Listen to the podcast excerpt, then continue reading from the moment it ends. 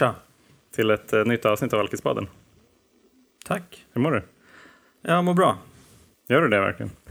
Ja, jag mår jättebra. Det är jättetrevligt att komma hit som vanligt, men eh, efter man har klarat utskällningen och eh, den här aggressionen som är i hallen varenda gång. Ja, ja ja, jag ber om ursäkt. Eller var det Gurra du tänkte på? Ja, det är Gu- Gustav, min nemesis. Ja. Men nu ligger den här, ihoprullad på en filt. Ser så jävla nöjd och glad ut. Ja, ja men jag tror alltså han, han mår nog ganska bra. Ja, Han får ju ur sig sina aggressioner i alla fall. precis. Det är skönt att jag kan komma hit ibland så jag kan ventilera. Ja, ja han är alltid, han är väldigt sen lugn sen när du, när du går. Ja, Så det är förstår skönt för oss. Ja, det förstår jag. Ingen är gladare än han när jag försvinner härifrån. Nej. Hur mår du? Eh, jag mår jättebra. Haft en eh, väldigt härlig dag med Elma. Jag gillar verkligen det här upplägget med att vara pappaledig varannan vecka. Måste jag säga.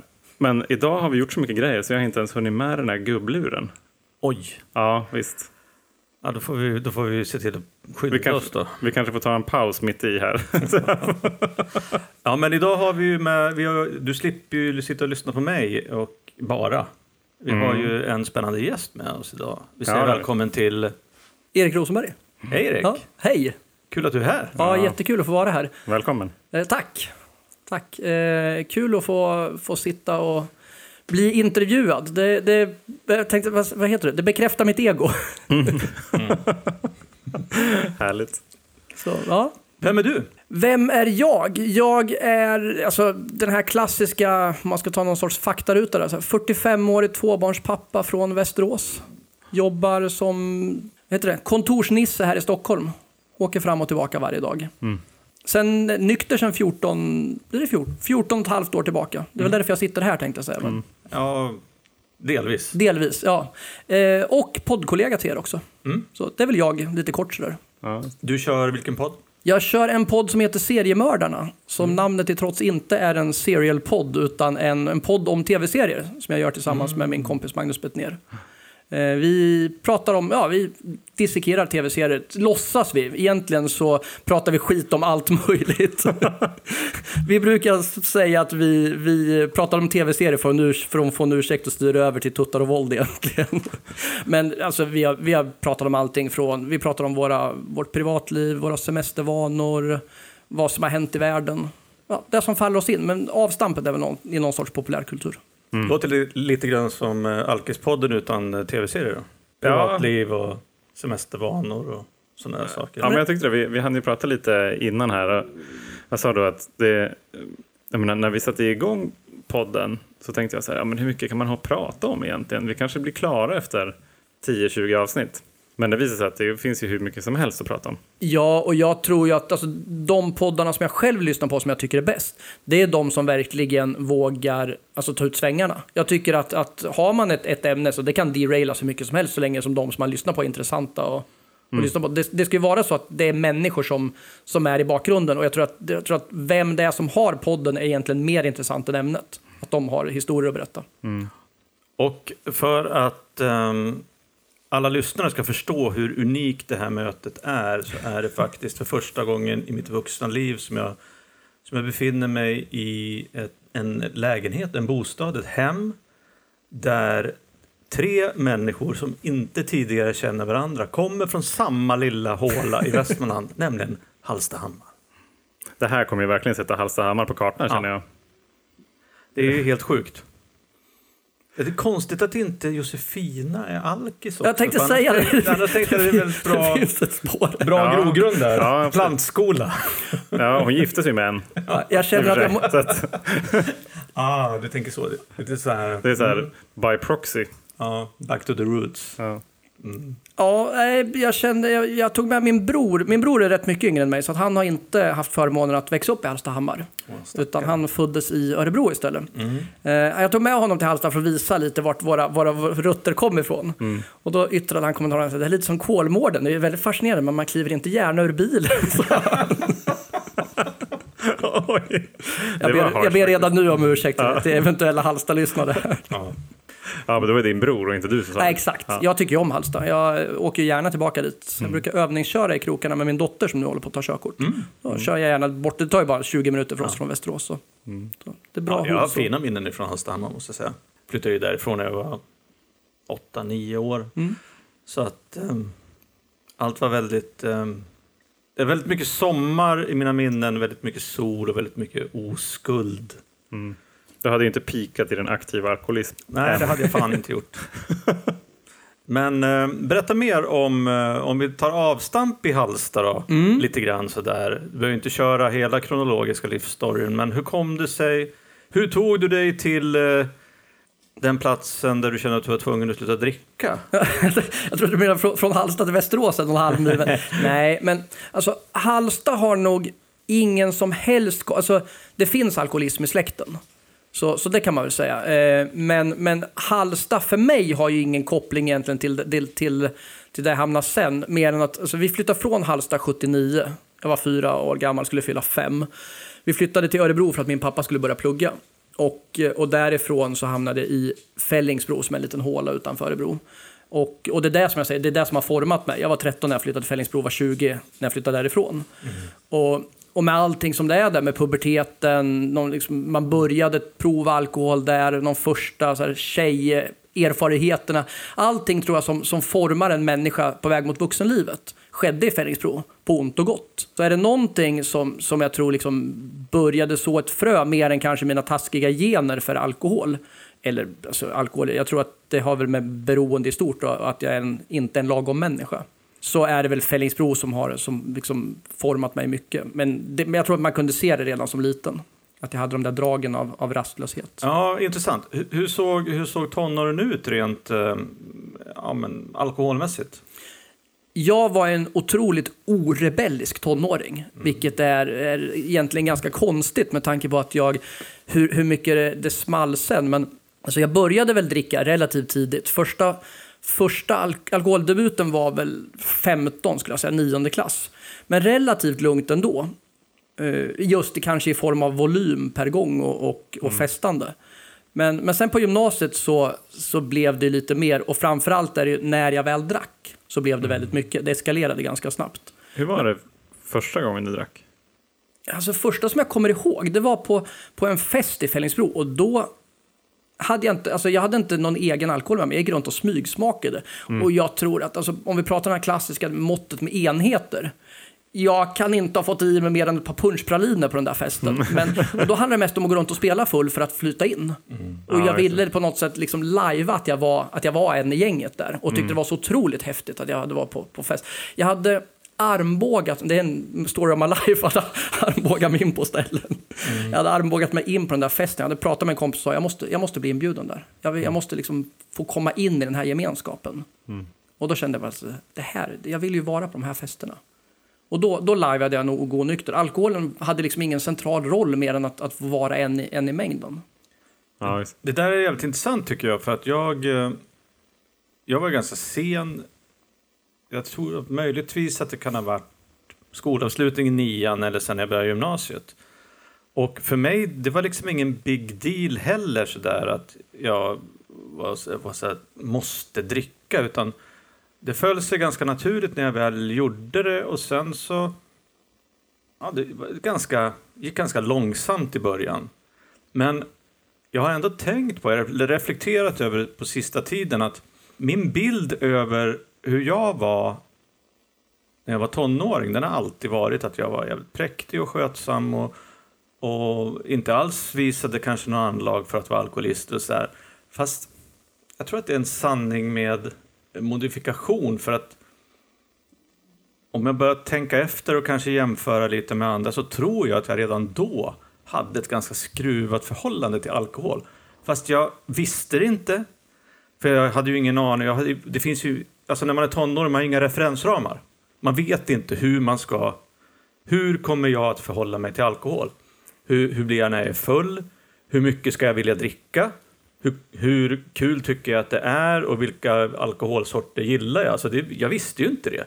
Det är inte så att man får liksom inte den skolningen, åtminstone inte jag. Jag vet inte om ni hade liksom något annat så att du visste exakt liksom att det vore Nej, men lite kul, jag- så här, jag ska ha ett halv- alkoholskolan. halv karta öl jag, och då kommer jag att bli så här det kommer bli skitkul. Jag visste inte det, men, men sen tänker jag så att när jag väl började dricka det som har slagit mig på sista tiden det är att det var så jävla naturligt för mig att bli full. Men det var inte för att jag kände mig utanför, det var inte för att jag... Ja, jag blev ju modigare och snyggare och alla andra blev snyggare och jag kunde göra coola saker och sådär. Men jag tänkte inte så mycket på det också, för det trodde jag att så, så skulle det ju vara. Alltså mina kompisar blev ju så också. Men jag har tänkt på så här i efterhand att alltså, jag reagerar nog annorlunda än många av mina kompisar gjorde på alkoholen då, på den tiden, utan att jag hade en aning om att det faktiskt var så. Mm. Jag, jag känner igen det. Alltså dels, dels måste jag säga att jag, jag sa ju jag är uppväxt i Fällingsbro.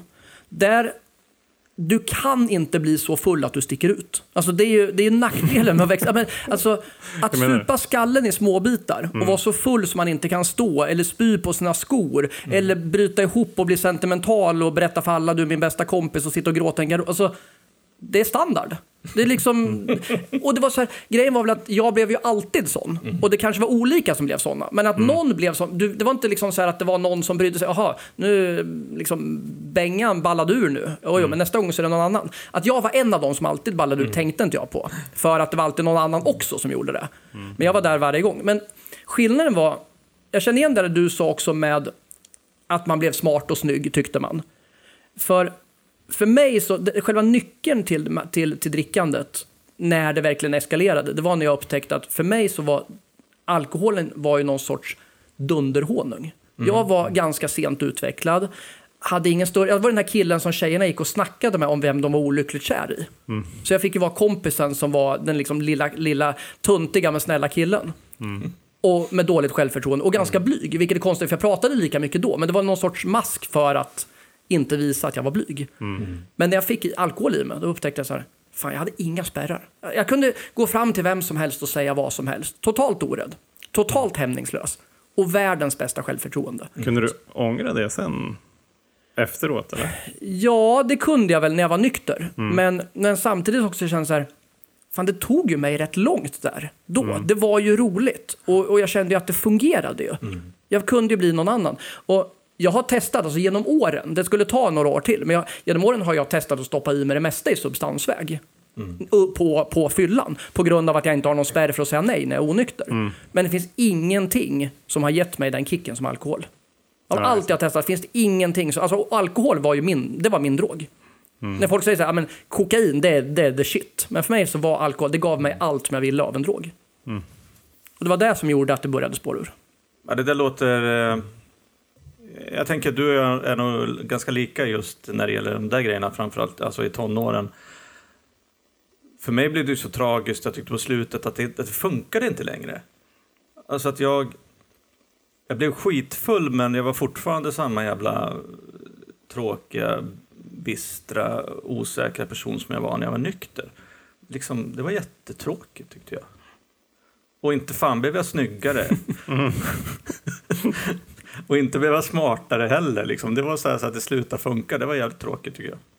Ja, jo men så är det. Alltså, man slog ju över. Jag blev ju... Man blev ju på något sätt ganska dräggig till slut. Och det var, ju- och det var ju det som var grejen. Och jag, jag pratade, ju- innan vi började spela in så pratade jag med Johan om det här. Alltså att, alltså min, jag har ju en rätt bakvänd resa. För jag har ju varit nykter i 14 år. Men jag har bara varit alkoholist i, i några år. Ur den synpunkten att jag inte har erkänt det förrän på senare tid. Jag har lajvat alkoholist i många år och varit alkoholist i få år. Ja, men alltså, alltså, jag, har, jag har känt mig som att jag, liksom, jag är ingen riktig alkoholist. Jag säger det bara för att det förväntas av mig.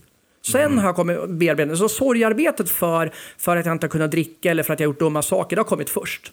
Men sen har det börjat kommit liksom, den fulla den fulla alltså dimensionen av, av mitt liv. Och det har- spelar in, i det här, apropå det du, du sa nu om, om att man blir tråkig. Jag har ju upplevt min, min studietid i Uppsala har jag upplevt som väldigt jobbig för att jag kände så här, jag hade inga vänner. Eller jag hade väldigt få vänner. Jag brände ganska mycket broar. Och folk var kantiga och hårda. Men jag insåg så här, om det var så jävla många människor som var kantiga och hårda. Så kanske mig som då var, var ett problem hos. Och det där har jag kommit fram till först på senare tid. att jag var nog en jävligt oskön kille under den här perioden. Men Och du var var, ju, du var aktiv under den? Jag var ju, det var ju när jag söp som hårdast, var i Mm. Uppsala-tiden, eh, 94 till 98. Sen så tog det fram till 05 tills jag la av. Men, men där var det som värst, där, där hade det spårat ur som mest.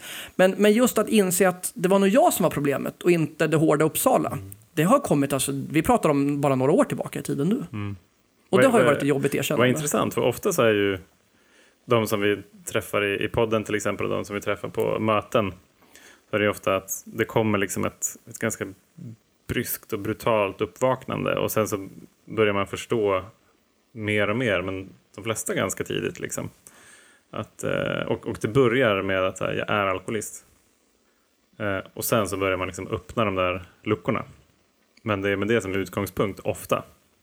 Så det här är ju intressant att, att Ja, vi höra. kommer komma tillbaka till det sen. Ja, absolut. din nyktra period. Men, men, men vi vill ju, jag vill ju höra lite grann om, om den här utförsbacken ner till eh, då du faktiskt tyckte att du var tvungen att sluta. Ja, Du har ju varit nu i Fellingsbro och sen har du nämnt Uppsala. Och sen är jag lite nyfiken på också, jag kanske går händelserna i förväg lite grann, men du pratar ju om att du, har, att du övningskör med din dotter. mm, Det betyder att hon måste alltså vara född under den tiden du fortfarande drack. stämmer bra det. Och eh, där är vi ju också lite lika eftersom jag hade i och för sig då äldre barn. Eh, och det betyder att du också lyckades, lyckades liksom skapa en familj under den här tiden. Ja. Eh, vi kan väl komma fram till det lite senare, men eh, fortsätt därifrån Fellingsbro och Uppsala och vad som nu hände. Ja, men, men vi, kan väl, vi kan väl säga så här, bara för att ta det i korthet, för att man ska förstå så brukar jag, jag delar nog in min, min alkoholism, eller min, min aktiva alkoholism, i två perioder. Och egentligen den första perioden som egentligen var före att jag träffade min fru, eller fram tills jag träffade min fru. Och den andra perioden när, efter att jag träffade min fru. Och den andra perioden är väl, om man nu kan kalla det så, lite bättre. Den är inte lika, alltså min svartaste period var fram tills jag träffade min fru. Och sen tog jag mig upp. Och det har nog att göra med att jag faktiskt lyckades hålla mig nykter, om inte ett halvår så i alla fall några månader där. Okej. Eh, och lyckades liksom, vad säger amerikanerna, ta min shit together på något sätt där och, och liksom ta mig upp egentligen. Och sen så började det eskalera igen. Men om- vi backar tillbaka till, till Fällingsbro. Jag hamnade i Uppsala från Fällingsbro för att jag skulle börja plugga. Och fram till dess hade mitt drickande varit, som jag sa, när jag väl drack så var det, då drack jag som att det inte fanns någon morgondag. Det, alltså allt skulle drickas upp, jag skulle vara sist hem från festerna och det skulle vara ljust ute. Det var så det funkade. Och det spelade liksom ingen roll vad, vad konsekvenserna, konsekvenserna blev. Nu har jag haft tur att jag inte har varit speciellt, alltså ingen, jag har inte varit någon, någon bråkstake så egentligen. Men däremot ganska grälsjuk och, och ganska egocentrerad. Men inte den som skulle slåss. Jag tänker bara så här, hade du innan festen började, hade du redan då bestämt att så här, jag kommer inte ge upp förrän den sista droppen är drucken och jag ska lämna festen sist? Nej, den, den punkten, den kom aldrig så. Utan det var bara så, så länge det fanns en fest så skulle jag ju vara där. Alltså det, fanns Ja, ingen, det, det var inget aktivt mål, utan det var bara så att varför går man hem när det finns en fest? Det var, för mig så är det, det är helt vansinnigt. Det är som att gå från en bio innan filmen är slut. Alltså, och, och den jämförelsen är relevant alltså. Ja, absolut. Du Ja. går inte från en fest som inte är slut. Det finns inte på kartan att man reser sig upp innan Nej, festen jag har aldrig fattat riktigt det heller, men eh, jag har hört folk som gör det. Ja. Så, ja. Då måste man ju märka att festen tar slut. Det var ett problem för mig. Jo, men folk, det också. Är den slut? Ja, och folk kunde, det var inte bara det att jag gick sist, jag kom ju först också. Det var ju, också, det var ju nästan värre. När, man- när folk, eh, jag kom ju, bara här kom jag 20 minuter innan, innan utsatt tid till den här eh, intervjun. Men, och det är jag i ett nötskal. Men även när jag drack, kunde, alltså, om folk sa så här, festen börjar klockan sju. Jag kunde stå utanför och ringa på klockan fem med ölkassarna. Hos folk jag inte kände speciellt bra. Det är ju ett, rätt svårt. Och redan där så blir man ju, eh, man framstår inte som den roligaste killen. Men vad tänkte du? Eller? reflekterade du över ditt beteende då? Nej. Men, du, men, du tyckte att det var alltså, ungefär som när jag pratade om att det kändes så naturligt och, och, Ja, den fast den den där har nog mer en koppling till att jag faktiskt tror att det finns jag har något drag, någon, någon form, det, det är så populärt att säga, någon form av, av bokstavskombination finns i bakgrunden.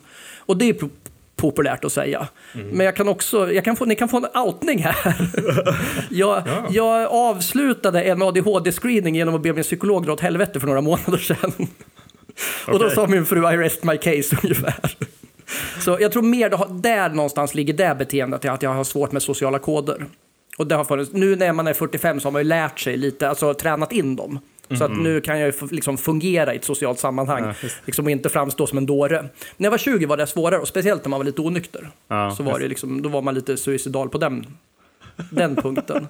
Men när jag hamnade i Uppsala, det var, det var ju, redan där så, så var det dumt att, att gå åt helvete. Jag hade förvisso fast förhållande med en tjej som jag hade träffat eh, något år tidigare. Men, men att komma från Fällingsbro, där det finns ibland ett ställe med utskänkningstillstånd när pizzan är öppet, till att komma till Uppsala, där det finns studentpubbar som öppnar sju dagar i veckan.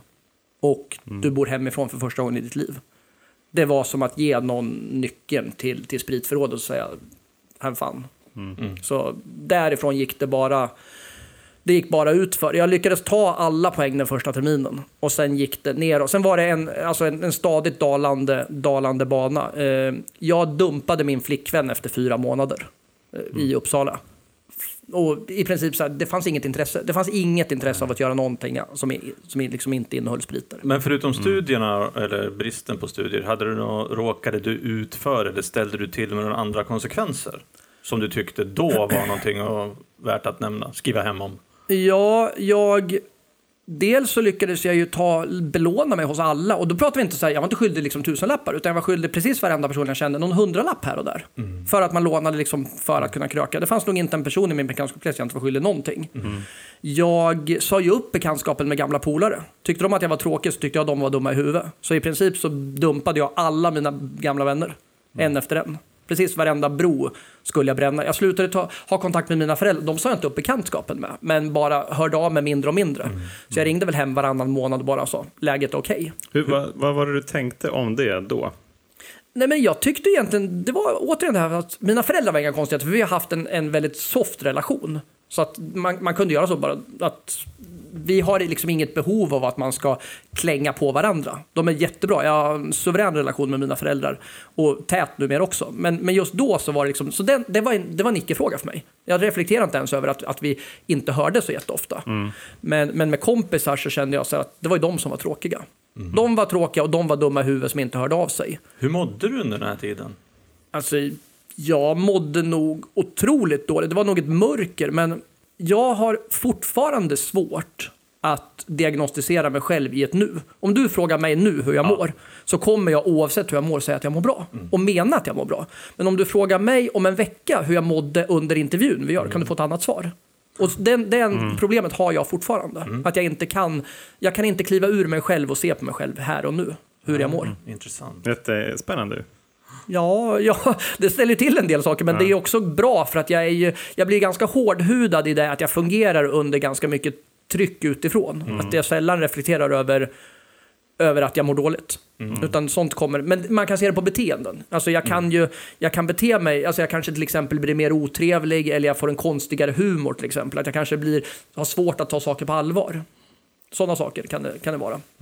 Men, men annars så, åt dåligt, sömnproblem, jag ha- katastrofal ekonomi såklart.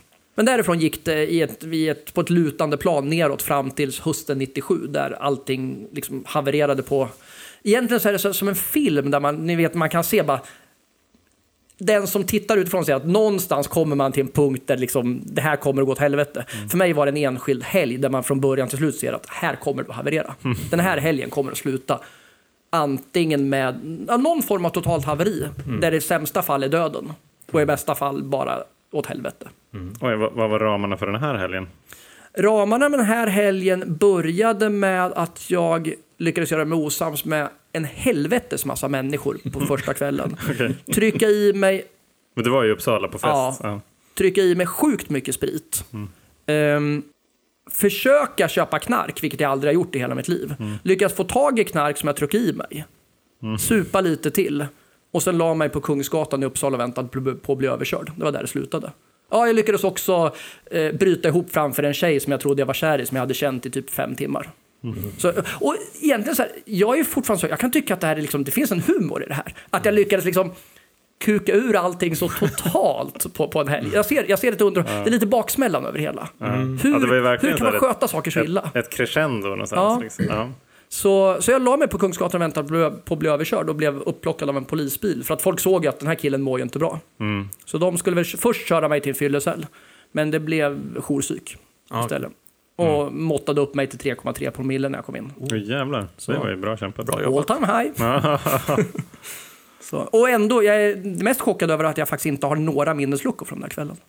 Alltså, Nej, nu, är det ju, nu ligger det över 20 år tillbaka i tiden, så nu är det ju av naturliga skäl lite blekare. Men med tanke på att jag lyckats supa bort alla andra minnen från Uppsala så sitter den där helgen obehagligt bra kvar. Ja, vad hände sen då? Efter den här helgen? Jag kom till jourpsyk, blev kvar där några timmar, det var väl över natten och sånt där. Blev sen forslad vidare till, till Ulleråker som är ju en, alltså kombinerad, det det, var det är ett gammalt mentalsjukhus men nu har de mycket så här boenden för folk som är suicidala eller, eller missbrukare och så. Så jag blev inlåst på en till nykteringsenhet och eh, satt under bevakning på grund av att de trodde jag var suicidal. Men, men jag sa att jag måste ut härifrån för jag ska jobba på studentpuben imorgon. Det här håller inte. Jag, må, jag måste tillbaka. De sa, det är ingen bra idé. Vi kan inte hålla dig, sa de egentligen. Du, vi bedömer inte att vi kan hålla dig, men, men vi tycker så här, vi kommer att hålla dig ett dygn på grund av din säkerhet. Och sen får du välja själv. Så de lyckades övertala mig att stanna en vecka.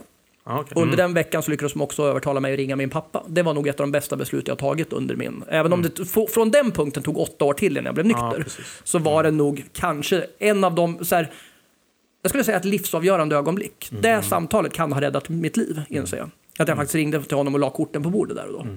Ja, du ringde och berättade hur du mådde. Ja, men, men det sjuka är att jag förstod inte att jag var alkoholist. Jag Nej. trodde att jag, att jag, hade, att jag var deprimerad. Det var det som var grejen. Alltså jag trodde fortfarande det. Med, jag räknade ut sen att när det där hände så hade jag varit nykter tre dagar på 90. Och jag hade snittat fem dagar i veckan i fyra år. Men alkoholist var jag inte. Och det är ju ändå någon sorts...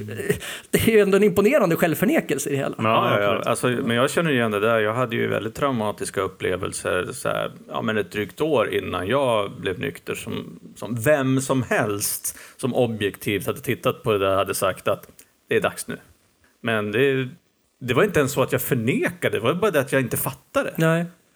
Och det är klart att det, är väl förnekelsen som ser till att man inte fattar. Men jag kan känna igen mig jättemycket i det där. Och det, det här är ju också en...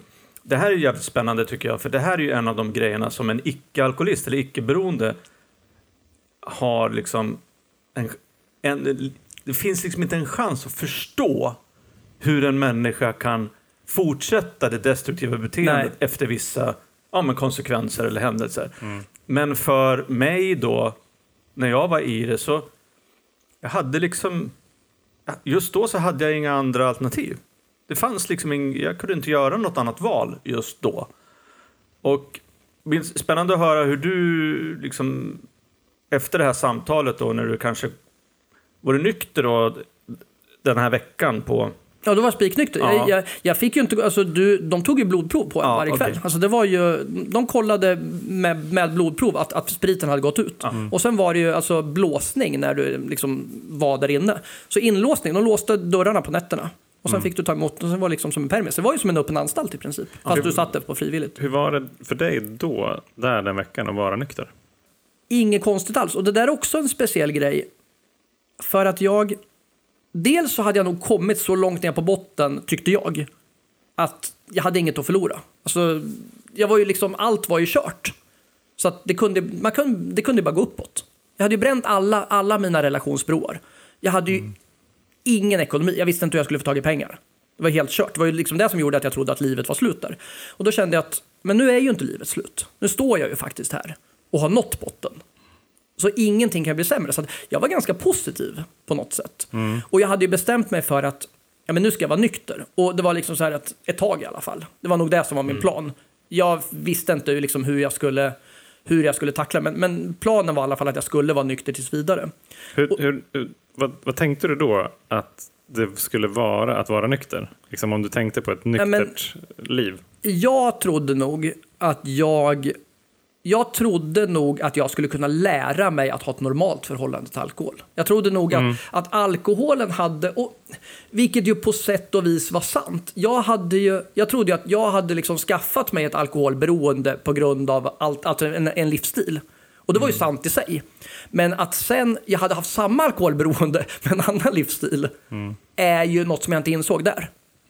Att, att det liksom inte skulle gå att förändra. Att min, liksom, jag tror ju inte på ödet, men, men min personlighet i den ligger i att jag kan inte förhålla mig till alkohol på något annat sätt än det jag gjorde.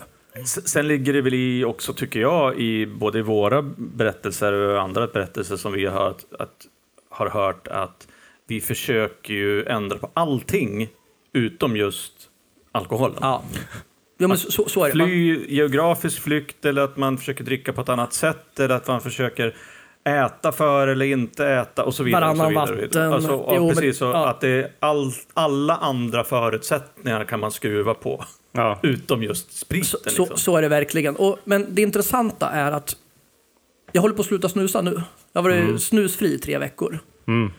Och varje dag känns det som att det saknas en liten del av mig.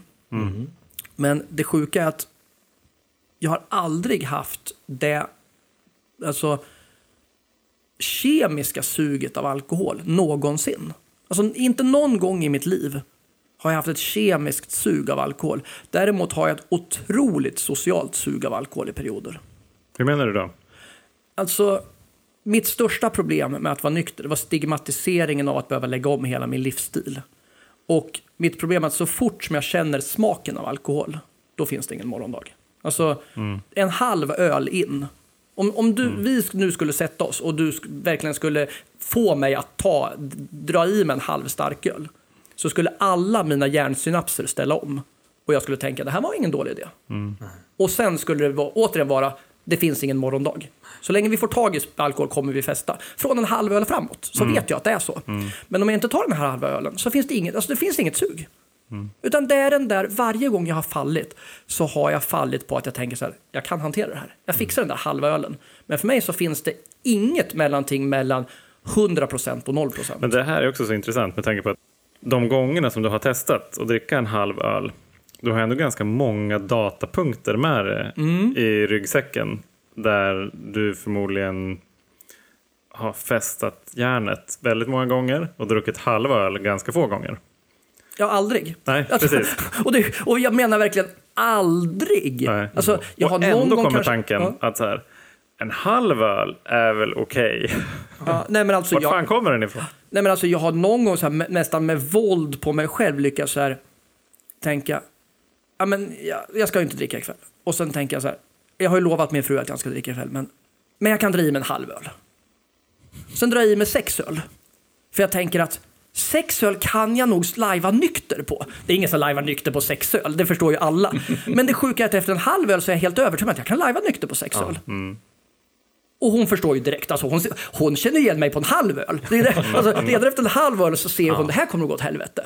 Men, men apropå det, så att, så att när du säger så här, jag har många datapunkter. Ja, men jag har ingen datapunkt där jag har lyckats hålla en halv öl. Nej. Men precis som Roger sa, det här med att ja, men den här gången ska jag testa med att bara dricka folköl. Den här gången ska jag testa med att, att börja dricka så mycket vatten eller äta jättemycket. Alltså, Det var ett nytt försök, för då kommer det funka. För jag gör om något, alltså, jag gör om någonting hela tiden. Så, så det är lite, men, men just det där som jag sa att liksom på spiknykter så har jag aldrig haft ett sug efter alkoholen i sig, utan jag har haft ett sug efter konsekvenserna av alkohol. Jag har haft ett sug efter att bli full.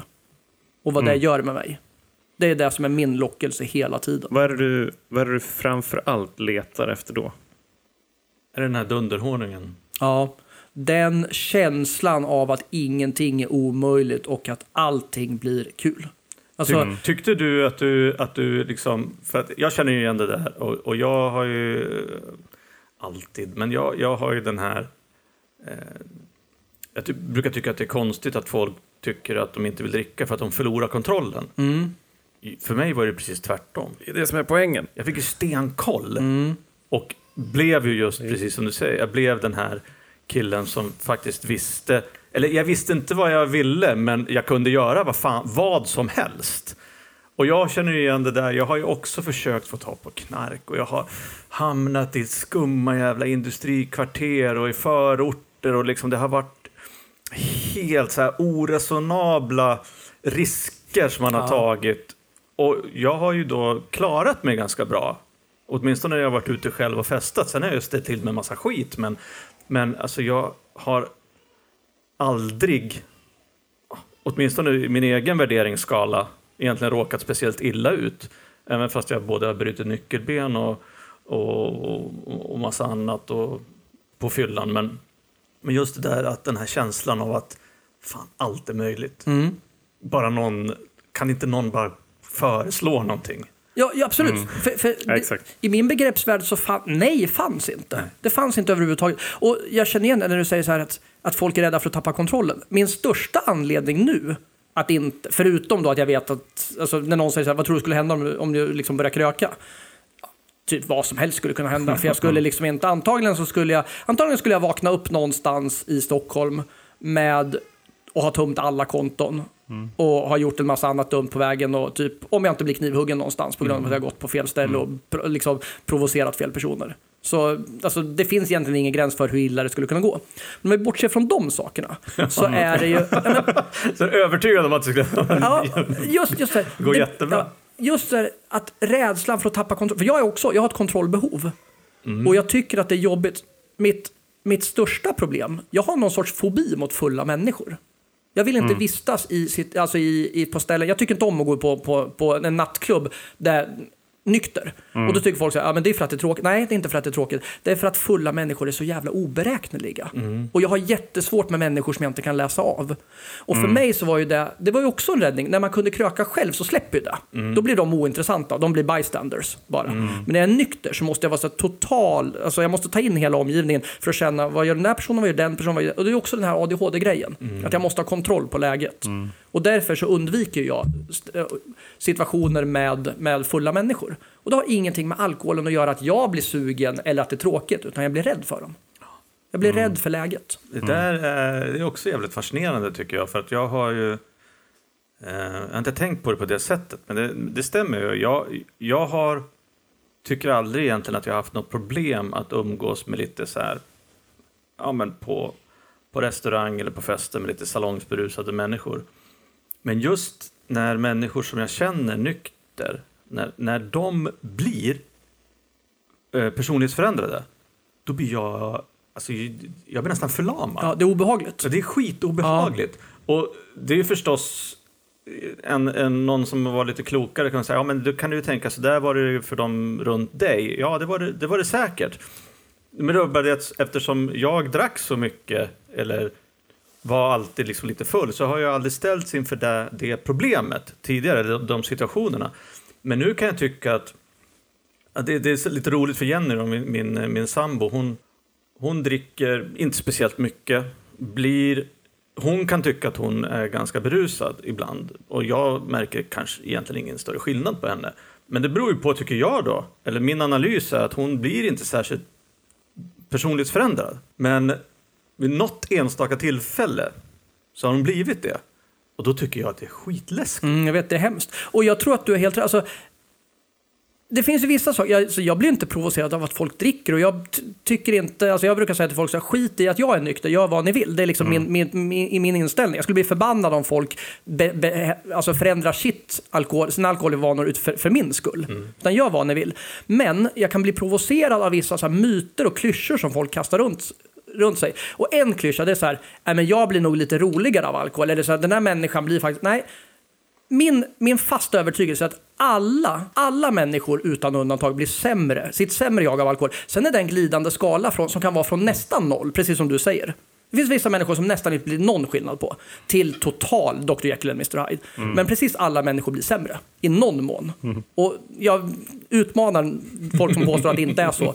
Och säga att jo, så är det. Men, men du, du hör inte någon, någon nykterist komma med det här argumentet. Nej, det, är, det är väldigt få beslut som har fattats på fyllan efter klockan två på natten. Alltså få bra beslut. Ja, precis. det är många beslut Ja. som har Ja, det är tagits. många beslut som har fattats. Annars hamnar man ju liksom inte på en efterfest i Jordbro. Nej. Eh, Så. Sen, kan jag tycka, alltså det är klart att, att det finns, alltså jag har haft kul, alltså även nykter med fulla människor. Jag kan tycka att det finns ett underhållningsvärde i vissa lägen. Och framförallt har jag tyckt att det varit vansinnigt roligt att vara full själv.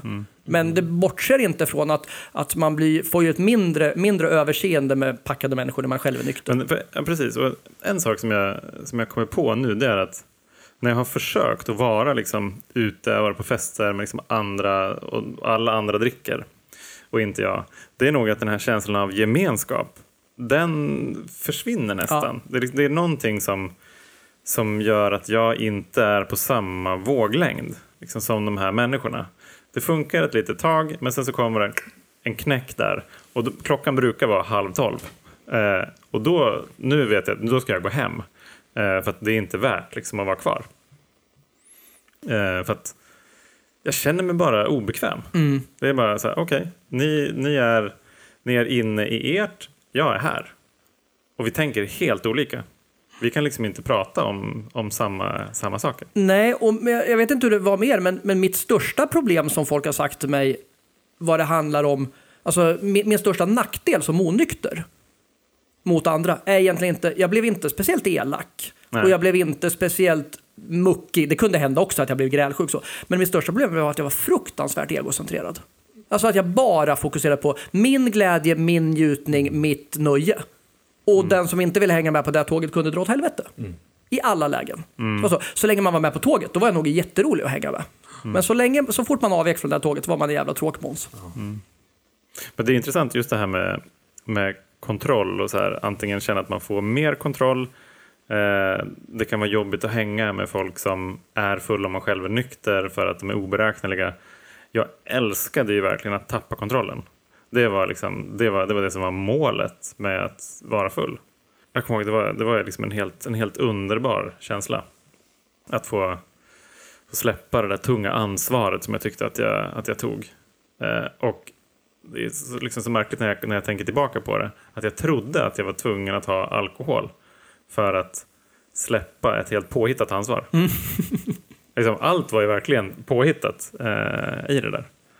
Men, eh, och sen så när jag väl hade druckit en, då var det ju så här, okej, då dricker jag tills det inte finns någon morgondag. Och eftersom målet var att förlora kontrollen så kunde jag ju aldrig bli klar. Det kanske finns ännu lite mer kontroll att förlora. Ja. Nej, jag, jag känner igen det, absolut. Och, och just i och med att man, man har den här att, att man plockar bort mer och mer konsekvenstänk ju onyktrare man blir, desto mindre blir ju problem. Alltså, det blir någon sorts, alltså, du öppnar ju upp världen mer och mer för möjligheterna att bli spåra ur totalt. Ja, absolut. Och jag hade väl, alltså i min värld så fanns det liksom, bortsett från några moraliska spärrar så hade jag ju inga gränser. Så var ju allt okej. Det finns en intressant um, alltså frågeställning i det här. Att, eh, det finns ju vissa, vissa som säger att, att skillnaden på en alkoholist och en icke-alkoholist är inte hur man dricker kanske, utan varför man dricker. Och jag har ju en egen liten sån här teori om det här att jag vet inte, för att jag kan inte, jag känner inte igen mig alltid i när andra alkoholister pratar om varför de drack, alltså rent känslomässigt. För att fylla hål eller att det var tomt eller man kände sig utanför eller vad det nu kan vara. Jag tänker så här att att eh, alltså, jag vill göra det lite enklare. Så här. Jag, jag drack som jag drack för att, för att jag är alkoholist. Ja.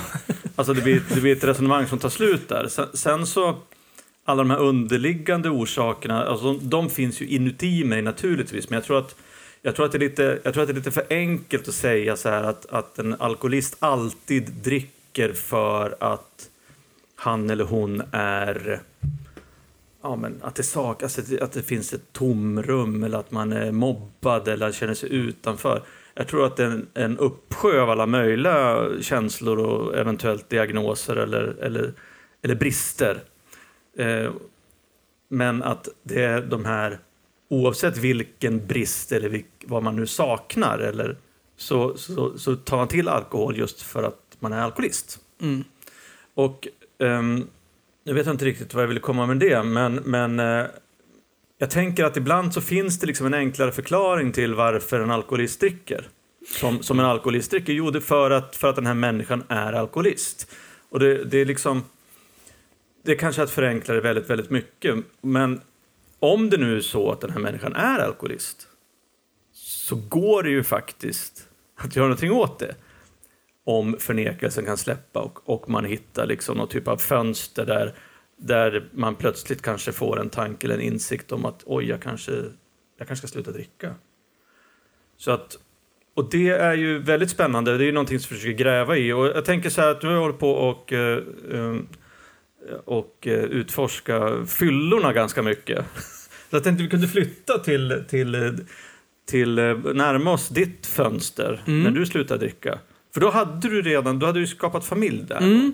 Jag träffade min fru i Uppsala och eh, Och, vi, det gick ganska fort. Alltså vi flyttade ihop efter några månader. Och jag träffade henne något halvår efter att jag eh, hade den här perioden när jag hade kraschat. Så jag hade börjat dricka igen, men alltså ändå tyckte jag att jag hade situationen under kontroll. Det hade jag såklart inte. Men... Då var du typ 24, 25? 23 Ja, 23. var det. Ja, okej. 23 var jag då. Ehm, så jag tyckte jag hade situationen under kontroll. Det hade jag antagligen inte, men jag mådde ju bättre än vad jag gjorde ett halvår tidigare i alla fall. För jag hade ju på något sätt rensat upp lite, jag hade liksom stämt i bäcken. Jag hade till och med upptäckt att alla vänner hade inte försvunnit. Det fanns folk kvar faktiskt som jag kunde umgås med.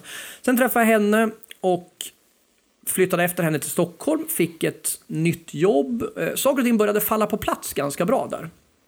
Och, eh, och på något sätt så lyckades jag dra ner på antalet... Alltså, eller nu inser jag, det är också så här, det dyker upp saker efterhand. Eh, Det gjorde, Var jag, ärlig. Nej, men jag, jag krökade ju även mitt i veckorna, men, men det var väl inte... Det var nog ganska mycket så här, ganska havererad så här, hemmafyllor. Typ trycka i sig en flaska hemgjort vin liksom, så där, och sen däcka och sen lyckades man ändå ta sig upp till jobbet. På något sätt lyckades jag sköta ett jobb riktigt skapligt. Eh, så det där fortgick. Vi, fick, vi gifte oss, vi fick barn. Eh, Alltså den sommaren innan jag blev pappa var ju också en riktig så här haverisommar. Det krökade alldeles från. Men, och i Västerås, var ute på alla de här ställena i Västerås, Å, Å och Pluto, de här ställena, sprang från krog till krog och lyckades vara stamgäst på hälften av ställena och kä- kände mig liksom lite inne också. Men det var ju, alltså jag söp ju rätt så, det var ju rätt mediokert drickande på sådär, my, my, hög volym men, men dåligt utfall så att säga. Men, så ja, det var, men hon, hon hängde i, men, och jag tyckte bara hon var en tjatig jävel. Jag tyckte om henne. Men just på den här alkoholfronten var vi inte överens. Hon tyckte att jag hade problem och jag tyckte inte jag hade problem. Det var inte svårare än så. Va, vad var det hon, vad, vad sa hon då? Men hon tyckte inte jag kunde hantera spriten. Jag tyckte hon var helt... Det var en helt värdelös analys. Jag var ju svinbra på att hantera spriten. Ja, det, var, liknar min analys Ja. gentemot min exfru ganska väl tycker Och jag. min fru är ju... Vi är ju totala motpoler. För jag vill backa tillbaka till det du sa med alkoholismen. Jag tror ju att det finns, man kan dra en parallell till cancer. Jag tror på något sätt att alkoholism är ett samlingsnamn för oss som har missbruksproblem med alkohol. Eh, Sen beror vad det beror på, eller hur vi dricker, det är, liksom, det är jättevarierande. Vår enda gemensamma nämnare är att vi missbrukar alkohol av olika orsaker. Det tror jag är den, den grejen. Och i mitt fall så är det väldigt enkelt. Jag kan inte göra någonting lagom. Det, i, de, någon sa I den här eh, biografin om Motley Crue så sa ju någon om Tommy Lee. Han råkade bli rockstjärna för de han först. Hade Jehova huggit honom först hade han blivit världens bästa religiösa predikant. Och så var det för mig också. Allting jag gör, ap- apropå det här som jag sa att jag kan inte analysera mig själv. Allting jag gör just nu det är det bästa jag varit med om. Just nu skulle jag kunna sitta och podda med er i, en, liksom i flera dagar. Har jag haft sex så är sex det bästa. Då ska jag bli sexmissbrukare. Har jag ätit en god mat kan jag sitta och skratta högt för det bästa jag ätit. Och så är det ju med alkohol. När jag börjar dricka och känner den där känslan så vill jag aldrig mer kliva ut ur den där bubblan. Så, det är, så för mig är det Ja, det jätteenkelt. där, det där är ju jättebra. Det är ju jättebra beskrivet Jag vill jag. aldrig kliva ur den bubblan. Och det är det som det handlar om för mig. Att jag är ingen lagom människa. Jag har bara av och på på allt jag gör. På precis allting. Och då måste det bli av. Det är ju, liksom, det är ju konsekvensen. I min analys blir om du ser det på det här sättet så finns det ju bara av. Då kan det inte finnas liksom, växel nummer ett. För jag har bara högsta och lägsta. När, när kom du på det? Alltså, efter tre år som nykter kanske kom jag på det. Och inte ens efter då kom jag på att jag var alkoholist. Det är det som är så Nej, sjukt. Jag kom på, jag kan inte dricka. Men jag är inte alkoholist. För det är ju bara mitt huvud som är felskapt. Och inte då kunde jag ens dra parallellen, ja det är det som är alkoholismen. Nej, nej, nej. Utan det, det fanns någonting som inte kopplade ihop sig där. Men nu kommer jag inte ens ihåg. Jo, vart jag var i alla fall. Jag fick, vi fick barn 02. Och jag hade väl ändå lyckats bromsa ner det där när jag blev, när jag blev förälder. Det fanns något sorts, sorts ansvarstänk att jag behöver inte festa så ofta. Och man behöver, alltså min fru, som jag sa då, hon är världens minst, minsta beroendepersonlighet. Hon har noll drag av beroende. Jag skojar sa att Johanna, jag skulle kunna tro att hon har ju aldrig hållit på med några andra substanser än alkohol. Men jag är helt övertygad om att hon skulle kunna gå på kokain varje dag i ett år och sen bara bestämma, nu skiter jag nu är jag klar med det här. Bara för att testa. Hon, det finns inget sug, hon, det finns ingenting som hon får ett sug av. Så, så hon hade ju lagt av långt tidigare med våra festvanor, för vi krökar ju ganska hårt tillsammans. Men jag höll ju i det och sen kommer vi till någon punkt en sommar där när dottern var liten och haft en riktigt hård kväll. Jag var väl mer otrevlig än vad jag brukar vara och levde jävel. Och när jag vaknade upp och hon sa väl inte det uttalat, men jag förstod liksom att här är någon sorts ultimatum från hennes sida. Det var liksom, det låg på bordet i princip. Att nu är, det, nu är det dem eller spriten. Mm. Och så insåg jag att lägger jag av nu så kommer hon inte att se mig onykter. Jag tror att det där, eller hon kommer inte att komma ihåg att hon har sett mig onykter. Din dotter? Hon var tre år gammal. Ja. Men jag tror att det där är en efterhandskonstruktion. För jag har svårt att se att jag där och då skulle ha bestämt mig för att aldrig mer dricka. Eftersom jag... Det här kan vi prata mer om sen. Eftersom jag idag inte har bestämt mig för det. Att aldrig mer dricka. Jag tror att det är en nyckel i det här. Men, men jag tror att, att det är en efterhandskonstruktion av mig att, att tänka så. Men just där behövde jag i alla fall dra i, dra i bromsen. Och där bestämde jag för nu skiter jag i det här. Nu. Och hon frågade, vad ska du göra nu? Sa, sa min fru. Jag ska åka bort i två dagar och bara rensa huvudet. Jag ska dra iväg någonstans, sen ska jag komma hem och sen ska jag gå till A. Och sen den dagen så har jag inte druckit någonting. Men, men jag har sen den dagen, det är också första gången i mitt liv som jag inte har satt en deadline på min nykterhet. Det är första gången någonsin som jag, har, som jag inte har satt, gett mig själv en tid. Som att här, vara nykter en månad? Ja. Eller? Ja, okej. hur, hur visste du vad du skulle göra? Det visste jag inte. Jag visste bara att, att jag, jag kan inte förlora min fru och min, min dotter. Men då, där och då så tyckte jag nog, många stunder tyckte jag nog att jag bara var nykter för att jag hade ett ultimatum. Min enda orsak att vara nykter var att min fru ville att jag skulle vara nykter. Du var inte nykter för din egen Nej, skull direkt. och det tog flera år innan jag var nykter. Ja, vad, hände, vad hände då när du drog iväg de där två dagarna? Nej, jag bara rensade huvudet. Jag tog med mig, jag tog med mig dottern faktiskt. Vi åkte till, till min brorsa i Örebro och hängde lite och badade på badhus i, på Gustavsvik. Bara softade ett par dagar. Jag och dottern drog iväg på liksom en, en pappa-dotter-helg och äh, hade det mysigt. Två dygn. Sen kom jag hem igen och bara, nu, nu är jag nykter just nu, tills vidare. Det var liksom det besked jag gav min fru. Och har inte lovat henne någonting heller, utan nu tar vi en dag i taget bara. Gick du på möte? Jag gick på möte i, i ett år. gick jag på möten. Och jag gick på möte och jag tror att redan på typ första mötet så sa jag så här, jag kommer bara lyssna, jag vill inte säga någonting. Jag presenterade mig. Jag, liksom, jag sa inte ens, jag är alkoholist. Utan det tog nog möte två. Men det sjuka är, jag har aldrig gått på ett A-möte och sagt jag är alkoholist och menat det. Nu kan jag säga till er, jag är alkoholist och menar det. Men det där året så satt jag där och lajvade. Det var det jag menade, jag satt där och lajvade alkoholism. Och jag mådde bra. Jag mådde bra av att gå på mötena och känna att det finns människor här som har saker gemensamt med mig. Men skillnaden mellan dem och mig är att de är alkoholister och det är inte jag. och det är ju konstigt. Så skillnaden tror jag mellan, mellan de som du pratar om Johan, som säger liksom att de har kommit på tidigt att de, har, att de är alkoholister. Det är att jag tror att jag har gjort en massa fel även på min nyktra resa.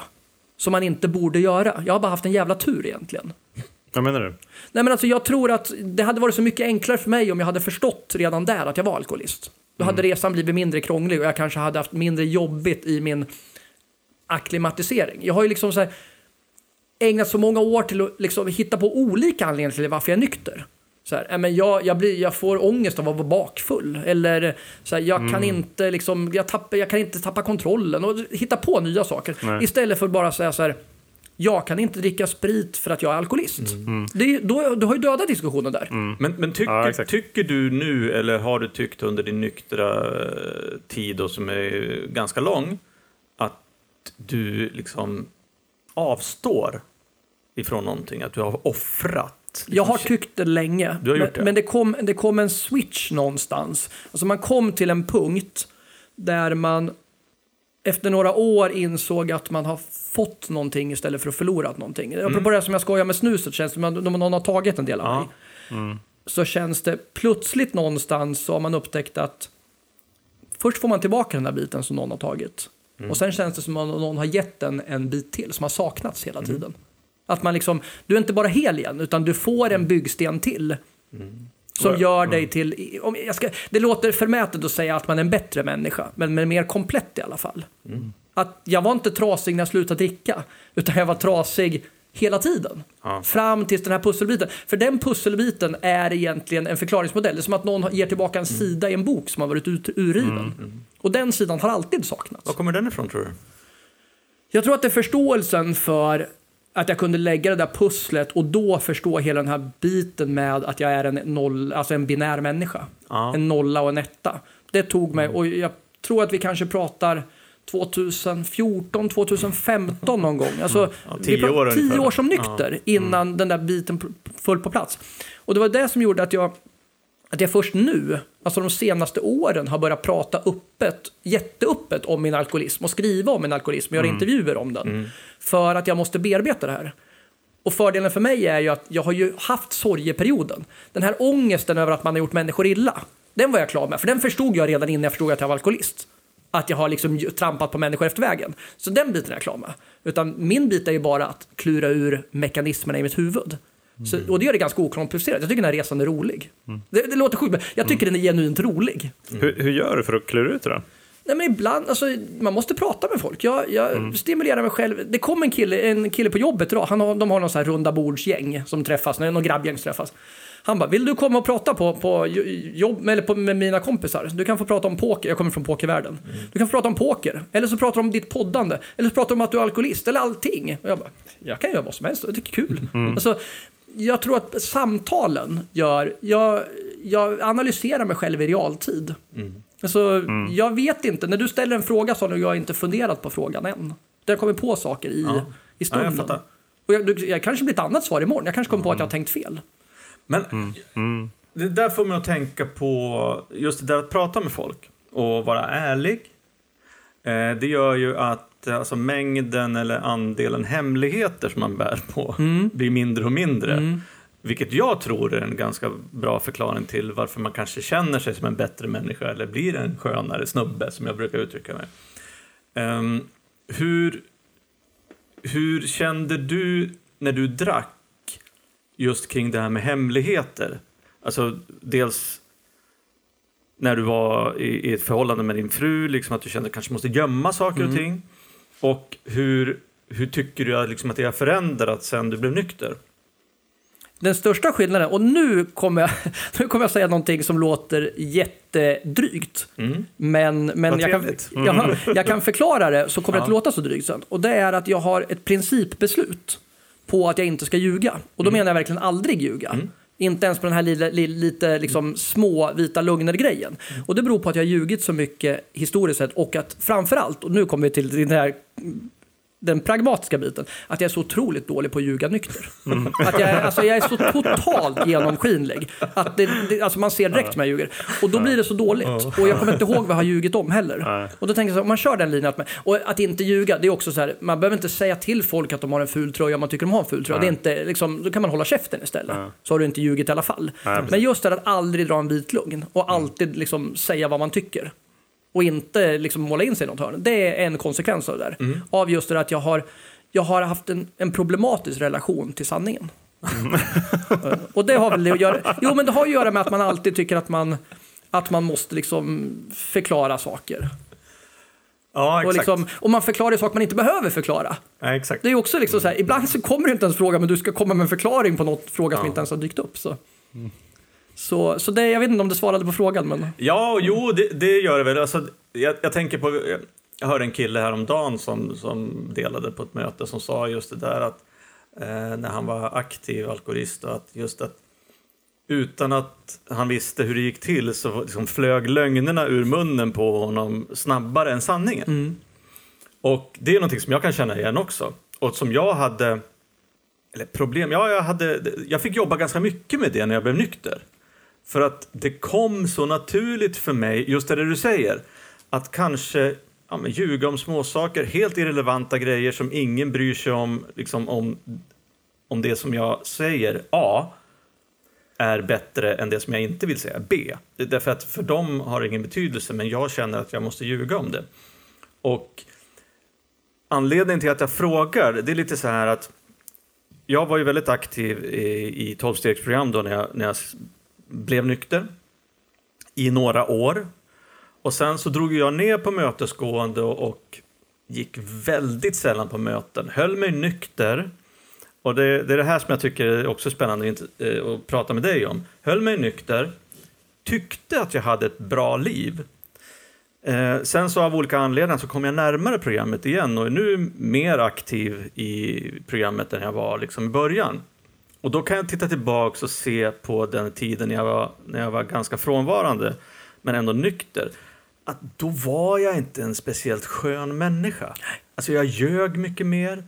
Jag var rädd för saker. Jag var eh, liksom jätteorolig för relationer med mina nära och kära och målade upp scenarion för om jag gör det här och berättar det så kommer de att tycka så. Alltså, det var en jävla soppa där ett tag.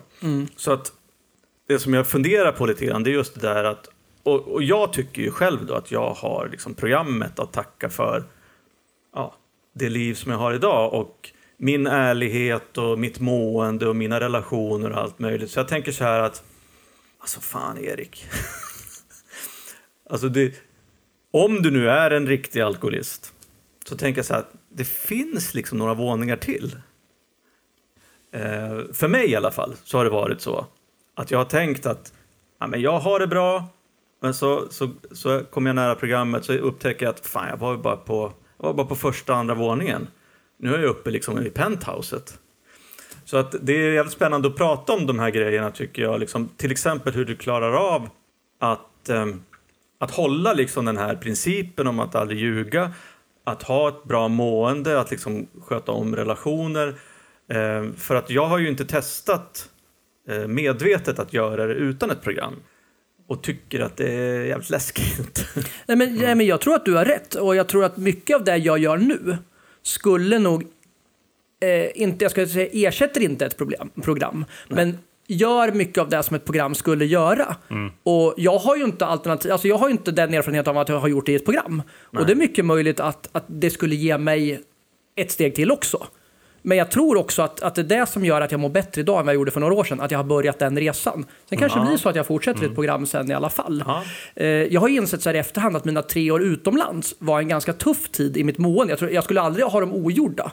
För eh, jag bodde utomlands i tre år och jobbade. Eh, Nykter. un, under min nyktra Ja. period. Kom tillbaka för ett och ett halvt år sedan. Men insett att det tog ganska hårt på mitt psyke, mitt personliga psyke. Jag tror att det var en bra resa för barnen och för familjen och erfarenhetsmässigt.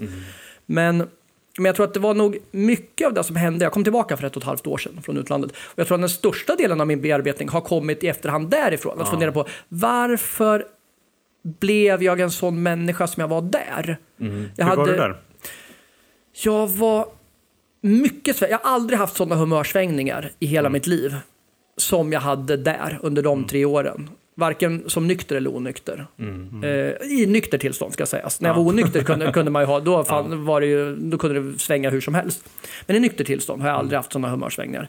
Jag hade väldigt svårt att ta saker på allvar. Jag skojade bort saker. Jag var väldigt rädd för att fastna i seriösa samtal.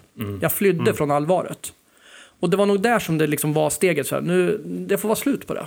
Det måste bli slut. Jag hade slutat ljuga lång- långt innan. Men det måste vara ett slut på att springa ifrån de allvarliga punkterna. Jag har fortfarande svårt med den, den biten. Jag, det finns få saker som jag blir så orimligt arg på som jag ska prata ekonomi med min fru. alltså, ja, men jag, jag känner, jag kan redan, jag, jag kan börja med att be henne om ursäkt. Jag kan säga så här, om hon säger så här, vi måste prata om ekonomin, eller liksom så här, vi måste, vi måste lägga upp en budget.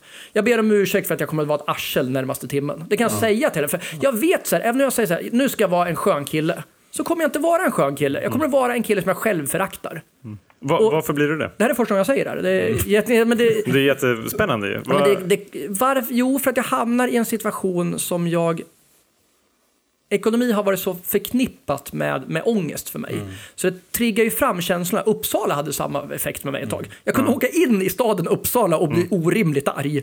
För att jag hatade den där jäkla pissstaden. Och i efterhand har jag insett att jag var en stor del av problemet själv där. Om inte hela problemet. Ja, ja, Jag tror inte Uppsala är sämre än någon annan stad, stad i Sverige.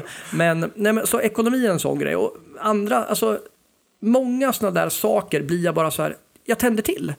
Och i andra lägen på jobbet så är jag så här, jag tappar aldrig humöret på jobbet. Jag kan hamna i jättejobbiga diskussioner på jobbet och vara lugnet själv. Men när jag hamnar i för nära mitt eget allvar så har jag fortfarande en lång resa kvar. ja, det är någonting som triggar. Ja, Men på tal om det, när du hamnar för nära ditt eget allvar. Har du, har du alltså gått i terapi för någonting överhuvudtaget? Ja, jag har gått för terapi för en, för en massa olika saker. Har jag gjort. Alltså, Alltså, du, du har ändå behandlat dig själv eh, på lite, lite olika sätt. Det har jag gjort. Jag har, jag har ett gäng terapitimmar i ryggen av olika, av olika orsaker. Så. Ja, ja. Det har jag. Från mina första terapitimmar var faktiskt direkt efter när jag kom ut i min första nyktra period. Ja. Efter att jag blev inlagd där på, så gick Ja, jag i terapi några månader. Mm.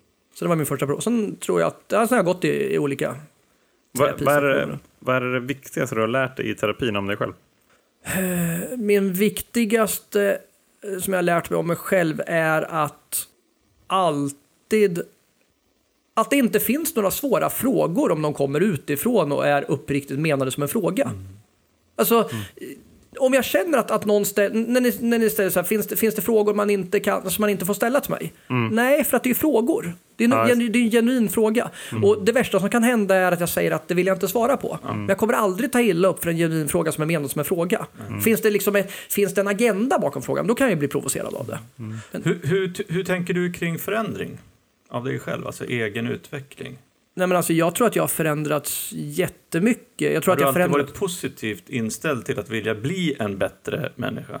Ja, fast jag har alltid trott att jag har varit en bra människa. Jag tror att jag har haft en del hybris i det här fallet. Ja. Och jag tror, det intressanta är att jag tror numera, jag tror aldrig, jag har nog aldrig haft någon sån respekt för att jag inte är en så bra människa. nu. Alltså, jag tror, nu, nu har jag en större förståelse för att jag inte är så perfekt. Och ändå så är jag mer nöjd med mig själv än på länge för att jag har accepterat det. För att är jag ser spännande. att folk tycker om mig och respekterar mig för den jag är. Trots att, som jag sa, att jag vet att jag, jag är nog en jag är nog en pain in the ass att leva med. Alltså som, jag, jag tror så här, jag är en bra pappa. Jag är, stol, jag är stolt, jag tycker att jag är en bra pappa till mina barn. Men jag är nog i många lägen en ganska medioker make. och, och det tyder på att jag har världens bästa fru. Som har stått ut under den här tiden. Ja. Men, men i bästa fall så är jag medioker. Jag, jag älskar henne och jag gör mycket för henne och jag, jag tror att jag ställer upp mycket på henne. Men hon får dras med mycket, mycket svajigt humör och mycket barnsligt beteende. Alltså, Hur är det med din eh, alltså självbild? Under, hur har den eh, utvecklats under åren? Eh, den är som natt och dag. Jag, har, jag har ett jättebra självförtroende numera och, och är nöjd med mig själv och, och, och glad och, och har inget, inget problem med mina baksidor. Nästan så tvärtom, att jag kanske koketterar lite med dem, men jag kanske borde... Ja, jag tänkte precis på det. Men det, det kan ju vara ett bra, liksom, som du säger, offense is the best defense. Liksom. Ja. Att man, redan- man lägger dem på bordet på en gång så slipper man... Så är det, men det handlar ju också om att du måste vilja göra något åt dem. Ja. Och där, där har jag en bit kvar fortfarande. Men, men det har ju gått från att nästan förakta sig själv och tycka att man, man inte har så mycket att erbjuda. Så att det, har ju liksom, det har ju hänt mycket. Men, men jag tror också att jag har en, en större vilja att, att förändra mig nu än vad jag haft tidigare. Att jobba på, jobba på förändringar och acceptera att det finns saker kvar att göra. Går du fortfarande i terapi? Eh, nej, inte nu. Nej. Jag inte. Jag tänkte på en grej. Du, du, du körde en liten teaser här om att just det där att du inte... Att du inte sagt att du ska vara nykter för resten Mm. av livet. Eh, och då tänker jag så här att då, då har du ju säkert någon inställning till eller, eller princip kring din nykterhet. Hur, hur ser det ut för dig idag? Hur, hur tänker du kring nykterhet och hur håller du dig nykter? Liksom, behöver du jobba väldigt aktivt på det eller känns det som att det sitter liksom i ryggmärgen? Alltså min största, jag har två, två säkerhets... Alltså, vad ska man säga? Två, två av varandra, om man säger redundanta punkter som, som är mina säkerhetsventiler. Mm. Det ena är det vi pratar om att berätta för så många som möjligt att man är alkoholist och förklara sin problematik och förklara Mm. Ja, varför Stänga man, dörrar, ja. stänga dörrar och inte bara stänga, inte bara kort förklara utan förklara varför och vad, vad konse- konsekvenser. Det andra är den faktiska konsekvensen att jag tror att mitt liv går, bokstavligt talat går åt helvete om jag börjar dricka igen och bara jag tar ett återfall så kommer det enskilda återfallet att kunna ska, göra irreparabla skador med mitt liv. De två sakerna är viktigare än allt annat. Och därav, så att, nej, jag har inte lovat någonting, men om du frågar mig, tror jag att jag kommer att vara nykter resten av livet? Ja, det tror jag. Men, men jag tror också att det som har räddat mig har varit att jag har gått upp varje dag och tänkt, idag är jag nykter. Att den här dagen ska jag vara nykter. Imorgon vet vi ingenting om. Men den här dagen väljer jag att vara nykter. Och det är ett val jag gör. Att vara nykter. Att se till. Och då har jag liksom utgått från att det blir lättare och lättare. I början fick man ju aktivt arbeta för att vara nykter. Att inte sätta sig i sådana situationer. Sen så blir det också så att liksom, både hjärnan och, och ens livsstil ställer ju om sig själv. Så att du hamnar ju i mindre och mindre beröringspunkter som gör att liksom, risken finns att du, att du tar det där återfallet. Men det är klart att du får ju aldrig bli helt, du kan inte vara helt bara glida med, med strömmen. För då kommer det bli för lätt tror jag. Alltså, du måste hela tiden ha den där punkten att, att du kanske inte, att du inte ska sätta dig i de sämsta sitsarna.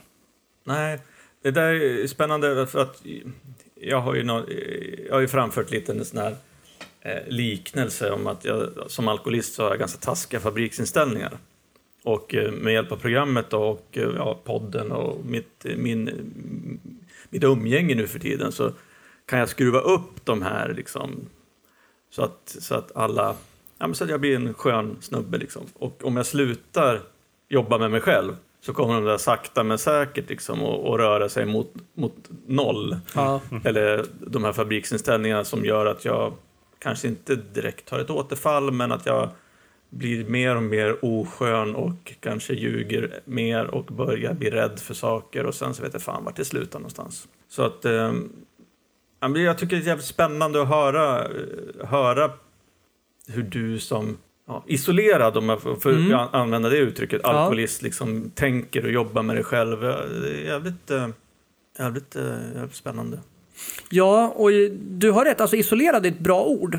Och jag vet inte om jag har valt... Alltså jag valde ju bort AA av den anledningen att jag inte tyckte att jag var deras målgrupp. Felaktigt såklart. Alltså i efterhand så, vi tre kan ju vara överens om att det var ett felaktigt beslut. Nu har det funkat fram till dess, men då var det ett felaktigt beslut.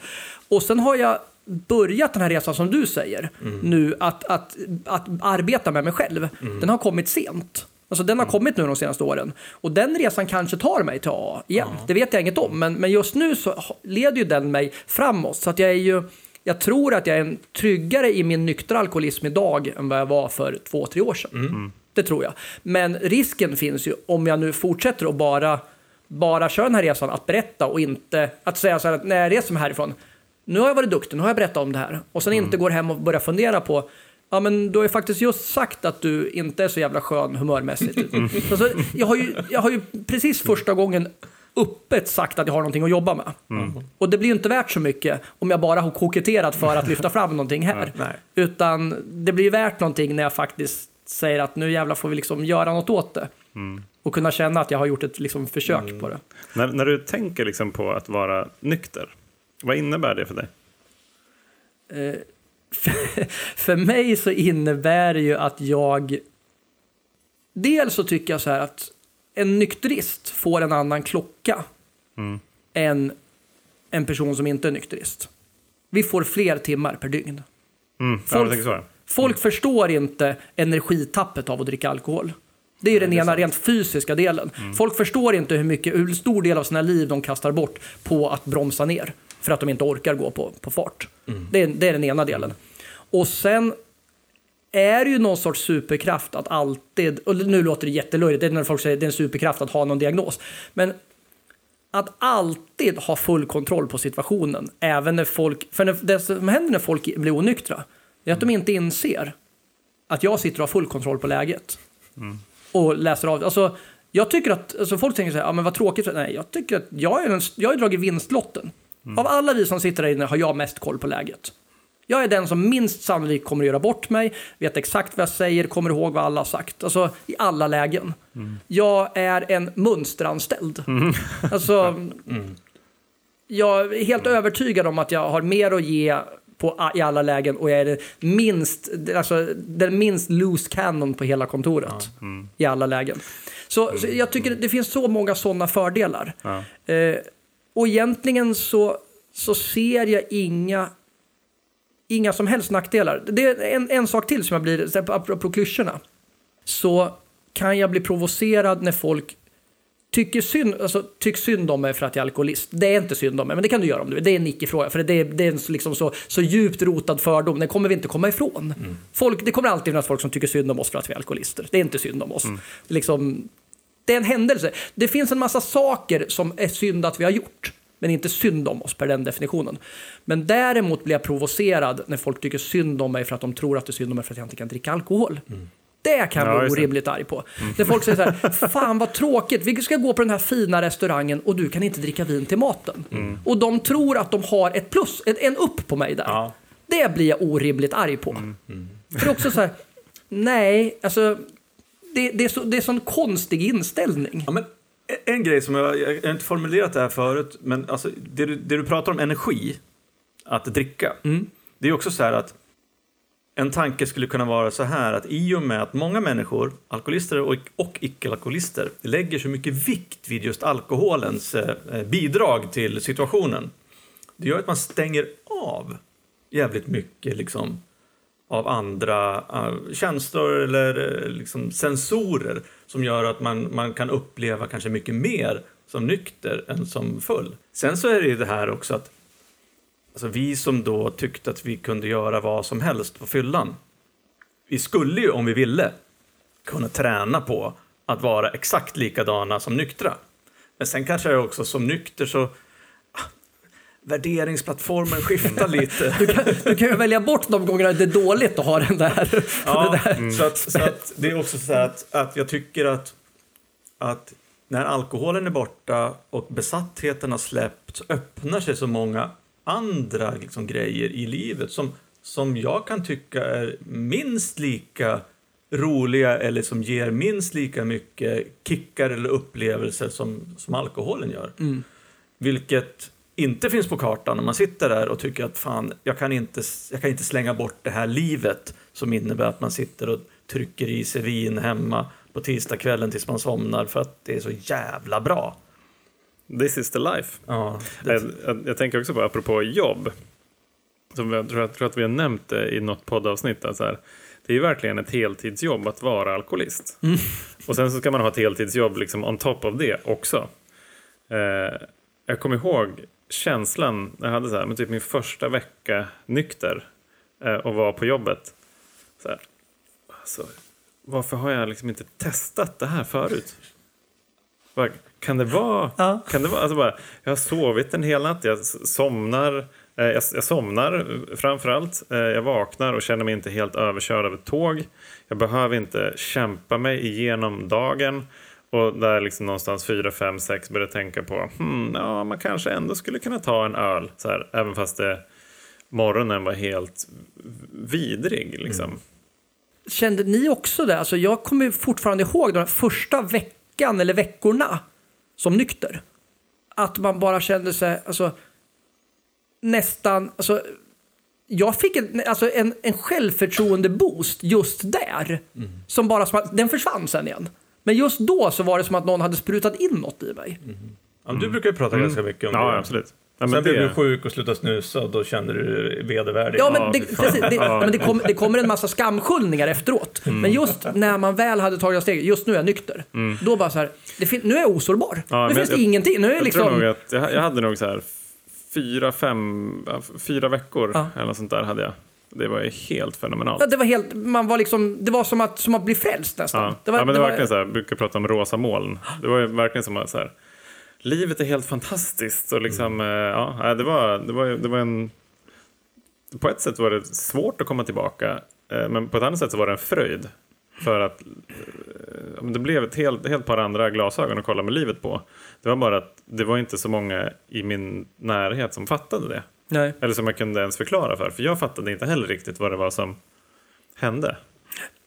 Jag kommer ihåg att, att ehm, jag minns att jag, när jag drack och ägde reklambyrå, att jag alltid hade med mig datorn hem på kvällarna och satt och jobbade. När, jag var aktiv. Sen var jag borta på behandling och sen när jag kom tillbaka och började jobba igen som nykter så släppte jag fortfarande hem datorn på kvällarna. Men insåg efter några dagar att jag behövde faktiskt inte jobba på kvällarna. Så att jag kunde lämna datorn på jobbet. För att vara effektivare i alla fall. Ja, precis. Och jag bara, vänta, vad fan gick det här till? Jag brukar ju alltid behöva göra grejer på kvällarna för att hinna ifatt liksom. Men det behövde jag inte. Nu gör jag ju det ändå för att, för att det har blivit en vana. Men ja, det, är, eh, det är mycket som händer i, i både kropp och själ och hjärta när man slutar dricka. Mm. Jag tänkte, alltså, det här med, med liksom att, att man får någon sorts, att man, alltså hybris och tror att man ska kunna fixa det där och dricka så har jag alltså, tänkt på, och det, jag tycker nästan, jag, jag kan roas av min egen dumhet i cirkelbanan. För jag inser att hade jag varit 15 år yngre nu, så den största sannolikheten, det är inte, tror jag, att jag skulle ta ett återfall på sprit. Utan det är att jag skulle trycka i mig någon annan substans och tänka så här, det är alkohol som är mitt problem. Ja, just det. Men om jag röker på lite, då... Men nu så känns det så, här, så patetiskt att vara en 45-årig tvåbarnsfarsa som ballar ur på att han har knarkat ner sig för att han inte klarar att dricka sprit. Alltså, förstår du? Skammen över liksom, den patetiska grejen har också hindrat mig.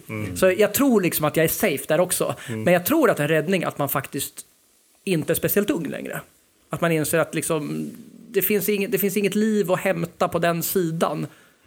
Nej, Alltså- men sen är det väl så här också. Jag menar, du har varit nykter i 14 år. ehm, du blev nykter då när du var 30 ungefär. Mm. Det betyder att du har varit nykter ungefär, ungefär lika länge som du drack. Ja. nu. ja. Då, då finns det ju också det som Johan brukar prata om, datapunkter. Så, så är det. Och jag menar, det är ju... Jag har ju aldrig i mitt liv haft, alltså varit så lycklig som Alltså alla mina lyckligaste, skulle jag lista mina hundra lyckligaste enskilda dagar, så ligger alla de på den nyktra sidan. Ja, det är bra datapunkter. Ja, det är ju det är helt liksom, ofattbart bra, bra, bra värd, värdemätare på det sättet. Sen tänkte jag också på att det som man, alltså det man ofta får höra när jag säger, för jag brukar oftast lägga, och jag tror egentligen att det är nog bara en egoboost vad jag försöker säga. Varje år på min nykterhetsdag så lägger jag ut det på Facebook och så får man 300 likes. Jag tror att det är en ren egoboost. Jag försöker ursäkta mig, det är bara för att jag ska komma ihåg det. Men det är nog bara en egoboost tror jag. Alltså det är nog bara så här för att, för att jag bara vill slå mig för bröstet. Men det konstiga är ju egentligen att när jag säger så här, jag har varit nykter i 14 år, shit vad bra. Varje år blir ju lättare och lättare. Det är jättekonstigt. Det är som att säga att någon, så här, att någon så här, jag har kunnat cykla i i fem, 14 år. Nej, men det, är inte det. det imponerande är ju att lära sig cykla. Alltså, det är där, det är där som magin kommer. Magin kommer ju när du... För, alltså, i, ska man någon gång ha en klapp på axeln så här, fan vad bra att du har börjat tagit, börja gjort din resa. Den som ska ha klappen är ju den som just har börjat sin resa. Det är där. Att vara nykter i 14 år är ju inte svårare än att vara nykter i 13 år. Så länge som du gör jobbet. Det är Ja, det jag menar. Så exakt. länge du gör jobbet så är inte den eh, liksom... eh, Men det finns en intressant grej där. Det var för, på ett möte för, för ett tag sedan som jag hörde en snubbe som drog sin life story. Han, han hade varit nykter ganska lång tid och hade även sponsier då som, som han vägledde i programmet som också hade varit nyktra. Så här. Och enligt hans erfarenhet så var det så här att ja, men, mellan år 10 och 20 i nykterheten, det kallar han för the death zone. För det var liksom, då börjar folk fatta liksom att ja, men nu, nu kan jag det här. Nu kan jag det här, så nu, nu, nu har jag fan lärt mig att vara nykter. Så nu, nu finns det chans liksom att jag kanske kan gå tillbaka till dricka. Och då menar han på att han, har, han hade sett ganska många fall där folk har försökt och sen har det liksom gått åt helvete direkt.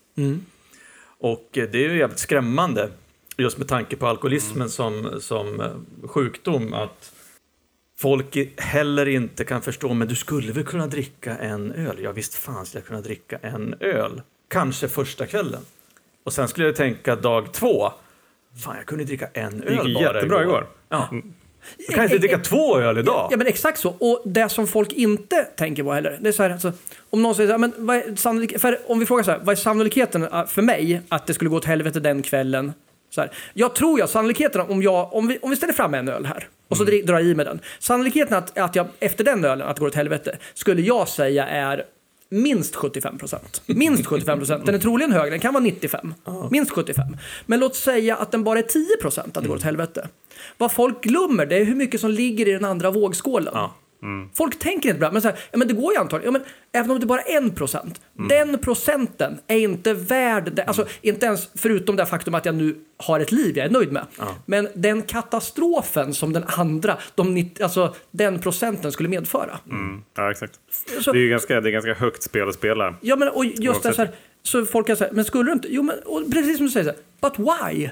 Det, det, det Ja, är ja, det som är precis. frågan. Ja, men du skulle kunna Ja, men dricka, ja men jag precis. vill ju inte. Men jag det, vill det är bra för dig då att du har sysslat så mycket med poker. Du har ju matten där. Liksom, Ja. och du bara tänka tänka liksom, är det värt det? Är det Ja. värt att gå all in på den här Ja, procenten? och, och nu så är det ju precis som det, som det ni sa, liksom, är det, har någon tagit någonting? Nu är det ju inte så längre. Så hade man ju kunnat räkna en gång i tiden. Ja. Men nu blir det ju så att det som händer är att jag river ut den där boksidan igen. Jag tar ju bort den här biten. Det är jag helt övertygad om. Hörni, jag tror vi får börja wrappa upp här snart. Vi har nog hållit på ganska länge. Ja, men eh, det är underbart. Ja, det är ett jättehärligt snack. Men eh, eh, vi måste skona våra lyssnare också. Batterierna i deras mobiltelefoner kommer ta slut. Jag, jag måste ju bara få... Det här, varm det här har ni pratat om i, i podden tidigare. Ja. Men, men av egen nyfikenhet, ni får väl klippa bort det eller något sånt där. Men har ni själva, jobbar ni med sponsorer eller är ni sponsorer själva? ja, Mm, ja, på Ja. båda frågorna. Ja, yes. bra. Jag är bara nyfiken. Det är väldigt härligt tycker jag. Ja, Det är en, det är en ära att få sponsra. Ja. Och ehm, det kan man säga, vi har pratat lite grann om det i Ja, podden. Inte så bra att du mycket. Vi Vi skulle kanske nästan kunna för ha liksom ett det eget avsnitt ja om det. precis. För det är en av grundstenarna som kan verka väldigt konstig i tolvstegsprogrammet och det som står i den här boken An- Anonyma Alkoholister. Just det där att det lättaste och bästa sättet att hjälpa sig själv är att hjälpa andra. Eh, vilket är ett helt eh, nytt avsnitt. Ja, precis. Nej, men för att, eh, han, jag, har, jag sponsrar en person och jag tror att han nu börjar inse att så här, när jag säger att jag lär mig nog minst lika mycket Mm. av det här som du gör. Alltså, nej, men det säger du bara, bara för att jag inte ska känna mig obekväm med att ringa eller, så här, eller ställa dumma Nej, frågor. jag förstår det helt, Ja, helt, men, helt alltså, och fullt. Att nej, det men är så. Absolut, alltså, här, för att ju fler personer som jag liksom hjälper igenom stegen, desto fler perspektiv får Mm. jag. Jag har ju bara liksom, mitt perspektiv som jag haft tillsammans med min sponsor och sen så, och så liksom adderar jag perspektiven. Det blir ju helt magiskt. Jag får ju gå igenom de här stegen själv varje gång. Mm. Eh, och han ställer också väldigt intelligenta frågor som jag, har aldrig funderat på tidigare. Nej. Nej, och det blir ju det här processandet. Och det är Ja, därför exakt. som jag, som jag tycker att, att prata om sin sjukdom med andra Mm. är ju varje gång samtalet kommer en process. Ja. Jag måste också skjuta in där, apropå att vi har kommit in på det så många gånger i att jag inte kör 12-stegsprogrammet nu, Mm. så vill jag också betona att min personliga övertygelse är att olika saker passar olika människor bra. Men om man inte vet Alltså om man vet bara så här, jag har alkoholproblem, jag är, slash jag är alkoholist, så är jag övertygad om att den sannolikt bästa vägen för genomsnittspersonen är 12-stegsprogrammet. Ja, Det är min personliga övertygelse om att det kommer att hjälpa flest personer och det är där man ska börja. Jag tror Jag ska- att, jag att ska- försöka göra resan själv tror jag är livsfarligt. Ja, det är, ja, jag ska citera en mening från Stora boken. Eh, De som inte tillfrisknar är de som inte kan eller vill ta till sig detta enkla program. Jag är också ganska övertygad om att 12-stegsprogrammet funkar för de allra flesta människor. Om man vill att det ska funka. Ja. Eh, Johan, vad tar du med dig från denna Denna kavalkad. Ja, det, detta samtal kring högt och lågt som försökte styra någon kronologisk eh, riktning men som har kört åt alla möjliga vinklar. Jag tycker det var jättekul. Ja, men jag, jag, jag gillade den där eh, uppdelningen i två faser och jag, liksom, jag kastades tillbaka själv till eh, mina fem år. Jag, brukar säga att jag var nykter men jag var spritfri i fem år. Och det gick så pass långt så att jag lärde mig att säga eh, jag har ingen självkontroll när jag dricker på japanska. Även fast jag inte egentligen kunde så bra japanska innan. Eh, och det heter Osaka Säger seigyo dekinai. Ja, så har vi liksom sagt det också. Men så här, vilka, vilka, vilken story som jag berättar för att liksom inte riktigt se att det är alkoholist jag är. Det är ju ganska, det är jättefascinerande egentligen. Vad kreativ jag blir när jag vill förneka sanningen om mig själv för mig själv. Fan, det är den texten vi ska ha på tröjan. Ja, det är den vi ska ha. Tycker det, låter ja. som, tycker det låter som en tatuering. Ja, Jag har ju till och med lekt, jag, är ju, jag har ju fastnat, apropå inte göra saker lagom, så har jag fastnat där med tatueringar nu. ja det gjort det. Si- Ja, Sinnesrobönen ligger bra till för en tatuering Ja, faktiskt exakt. någonstans. Ja. Eller delar av den. ja. Vad tar Ja. du med dig Roger? Ja, du. Nej, men jag tycker att det har varit jättespännande att, att gräva lite grann i just den här, ehm, ja, som, jag- om vi får kalla det för den här isolerade tillfrisknandet. Absolut. Liksom, och, och, men också jävligt roligt tycker jag, spännande och givande att få gräva lite grann i de här likheterna kring hur vi upplevde liksom fyllorna. Vad som hände med oss när vi drack. För jag känner ju, det finns, jag tycker att det är en stor likhet kring hur jag påverkades och hur jag blev liksom som full. Och eh, roligt att få, det, men det är kul det är kul på ett sätt att prata med, med dig då som inte är så programmig i ditt Mm. tillfrisknande. För det gör ju att, att, att vi kan liksom snacka, man, man får bryta lite grann på grejer istället för bara att man har en gäst som säger precis samma sak som vi säger. Mm, ja, men det kommer in med nya infallsvinklar och helt andra erfarenheter från att vara nykter så länge. Eh, ja, utan, utan ett program, men också jävligt spännande att prata om det här med liksom, egen utveckling och resan liksom, mot förändring och vad du tycker att det har gett liksom, redan. Eh, och eh, det är spännande. Kul snack, Mm. Ja, verkligen. tycker jag. Jag håller med. Va, vad tar du med dig, Erik? Alltså, jag tar med mig att, att känna att alltså, när ni pratar ur er resa, för jag känner ju att ni, alltså, precis som ni säger, det, det känns som att ni kommer ifrån om man ursäktar uttrycket, en utbildning och jag är mer självlärd. så blir det så, alltså, och ska man dra den parallellen, som inte är helt, inte helt korrekt, så blir det så att nackdelen när man är självlärd är ju att man har en massa luckor i allmänna saker som, som man inte upptäcker förrän man hamnar där. Och jag tror att, att prata mer och så känner jag vart, alltså, vart de l- sakerna finns. Och jag tror också att jag börjar få en bild av vad, vilka luckor hos mig som 12-stegsprogrammet skulle fylla idag. alltså den dagen som jag väl känner mig dit så vet jag liksom så här, precis som du sa, jag kanske, det finns kanske några steg som jag inte når själv. Vad, vad är en sån lucka till exempel? Men jag tror till exempel att, att få höra andra människor Alltså, jag har identifierat saker som jag är helt övertygad beror på min, min sjukdom och min nykterhet. Som till exempel att jag har ett att jag är otroligt momentan i mitt humör. Att jag kan vara stoiskt lugn över saker som jag borde bli arg över. Och att jag kan bli jätteorimligt irriterad över saker som jag inte borde bli irriterad över. Och det har jag identifierat. Det har att göra med att kanske att jag inte har någon ventil eller något sånt där. Medan andra saker i mitt, tror jag, jag tror det finns saker i mitt beteende och min personlighet som jag inte idag har identifierat. Som jag tror kan bero på min historia. Och den behöver jag höra andra människor beskriva för att kunna identifiera mig med. För att jag har ingenting att benchmarka mig själv mot. Det är det som är grejen. Och det är nog min största brist. Det tror jag, jag tror att jag kan göra mycket av arbetet själv. Men just att jag inte kan benchmarka mot folk med liknande erfarenheter tror jag är min största brist just nu. Ja, just. Benchmarking. Det är det vi håller på med. Ja. I Pretentiöst. programmet. Benchmarka. Best practice.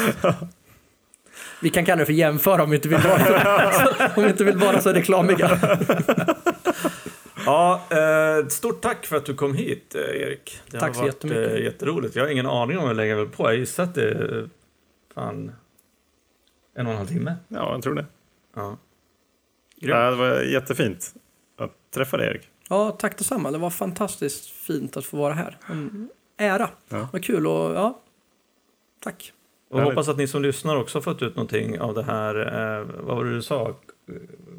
Karneval? Nej. Kavalkaden. Kavalkaden av högt och lågt och, och brett och smalt och eh, djupt och... Eh, Ett redigt fyllesnack kan man säga. Ja, ett Ja. riktigt jävla fyllesnack. Ungefär lika strukturerat som en, som en krogkväll brukar vara, fast kanske inte med inte lika mycket saker som man kommer ha ångest för. Nej. Det är väl skillnaden. Inte lika många i alla fall. Nej, precis. Nej, det är bra. Så att ni som lyssnar, hör av er om ni har frågor till oss eller Erik eller tycker att vi ska ta upp andra ämnen eller tips på gäster. Vi finns ju på alkispodden gmail.com, Messenger, Instagram och så vidare och så vidare. Och eh, hoppas att ni får en fantastisk helg där ute. Mm. Kram på er. Ha det bra! Hej. Hej då. Hej då!